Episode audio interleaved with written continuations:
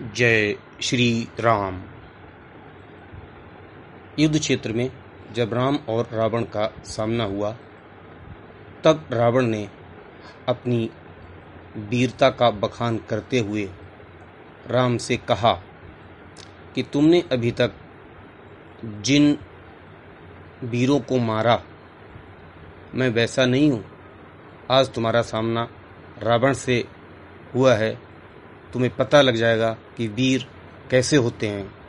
तो राम ने रावण को समझाते हुए कहा कि व्यर्थ बकवास करके अपने सुंदर यश का नाश मत करो। क्षमा करना। मैं तुम्हें नीति सुनाता हूँ।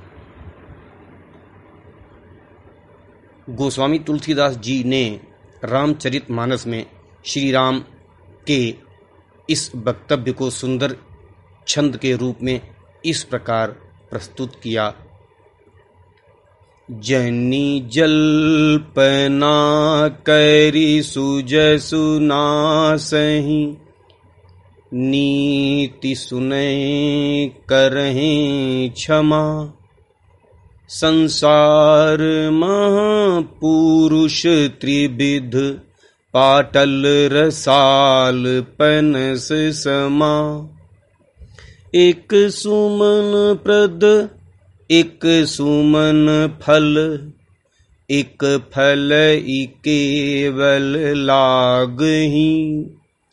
एक कहाँ ही कहाँ ही करही अपर, एक करही कहत न बाग ही। अर्थात संसार में तीन तरह के लोग होते हैं। एक पाटल, यानी गुलाब, दूसरे रसाल, यानी आम, और तीसरे पनस, यानी कटहल के समान। पहले पाटल, यानी गुलाब, फूल देते हैं। दूसरे रसाल की तरह, यानी आम की तरह फूल और फल दोनों देते हैं। और तीसरे पनस, यानी कटहल की तरह केवल फल ही देते हैं। इस तरह से तीन लोगों में एक केवल कहते हैं, दूसरे कहते भी हैं और करते भी हैं, और तीसरी तरह के लोग केवल करते हैं, केवल वाणी से नहीं कहते। इसलिए अब इस युद्ध भूमि में वाणी से नहीं, कुछ करके दिखाओ। जय श्री राम, जय श्री राम।